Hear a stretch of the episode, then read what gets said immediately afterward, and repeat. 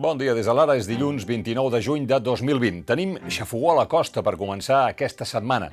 Com serà, Miquel Bernis? Tindrem un pic de calor forta de cara a dimecres, però durant la segona part de la setmana arribarà una mica més de fresca. Sol i algunes tempestes de tarda al Pirineu a l'espera que entre dijous i divendres els ruixats puguin afectar més comarques. Aquesta nit hem arribat a tot el món al mig milió de morts a causa del coronavirus, dels quals 125.000 als Estats Units i 57.000 al Brasil. I la xifra de casos s'enfila als 10 milions a tot el planeta.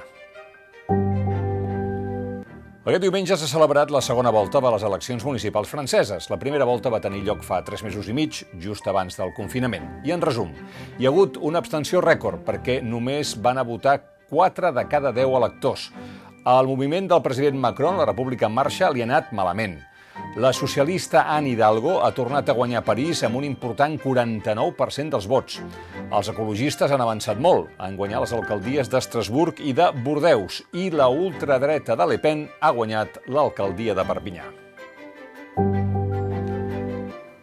Aquest cap de setmana s'ha constituït el Partit Nacionalista de Catalunya. La seva secretària general, Marta Pascal, el presenta en societat. Tenim aquesta voluntat de suma i en paral·lel aquesta voluntat de suma només es relliga amb un projecte que no vagi absolutament contra ningú. És a dir, nosaltres no, el que no podem compartir és que hi hagi plantejaments de frontisme, de blocs, etc etc. i per tant la nostra vocació, insisteixo, és presentar-nos a les eleccions, tenim vocació de suma, de trobar-nos amb molta altra gent, però sempre que siguin eh, projectes plantejats a nivell positiu, de futur eh, i de suma. No? I si us voleu situar en el mapa del centre-dreta català, que plega des d'independentistes a regionalistes, trobareu els ets i uts en aquesta pàgina que firma l'Anna Mascaró.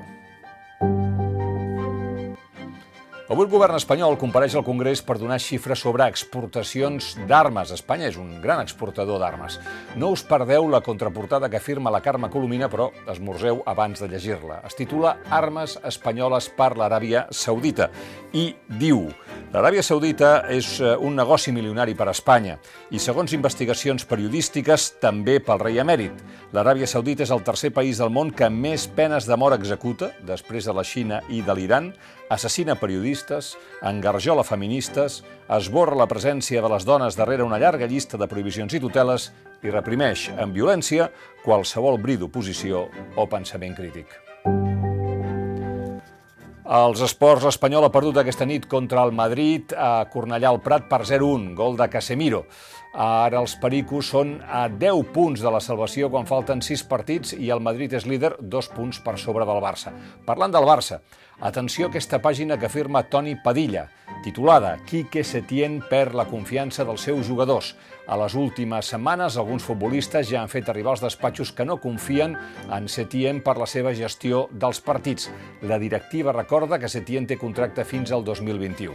Gerard Piqué va penjar a Twitter un missatge dient recordeu una cosa, som el Barça i això encara no s'ha acabat, cap ben alt i dimarts anirem a totes. I és que demà el Barça juga contra l'Atlètic de Madrid al Camp Nou a partir de les 10 de la nit. En parlarem d'aquí uns minuts amb Antoni Padilla al Cafè de la Lliga. El Girona, per cert, es va complicar molt l'ascens a primera. Ahir va perdre per 2 a 0 a Màlaga.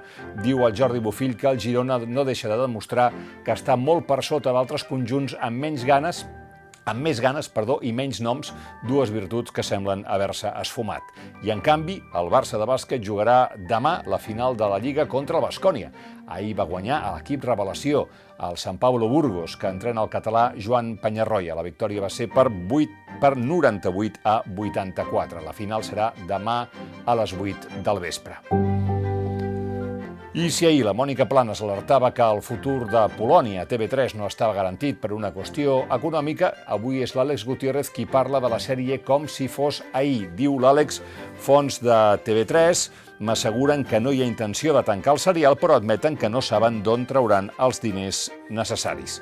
I acabem explicant que aquesta tarda debatrem amb Francesc Marc Álvaro un, com han tractat la premsa de Catalunya i la premsa espanyola la qüestió nacional catalana des de la transició fins al procés, des de 1976 fins al 2017, a través de les portades del diari. Serà la, la presentació del llibre de la Nació en portada. També intervindran Mònica Planes, Àlex Gutiérrez, Neus Tomàs i eh, Ricardo Feriche. Serà a partir de les 7 de la tarda per Zoom i us hi podeu apuntar a través del web ara.cat. Que tingueu un bon dilluns.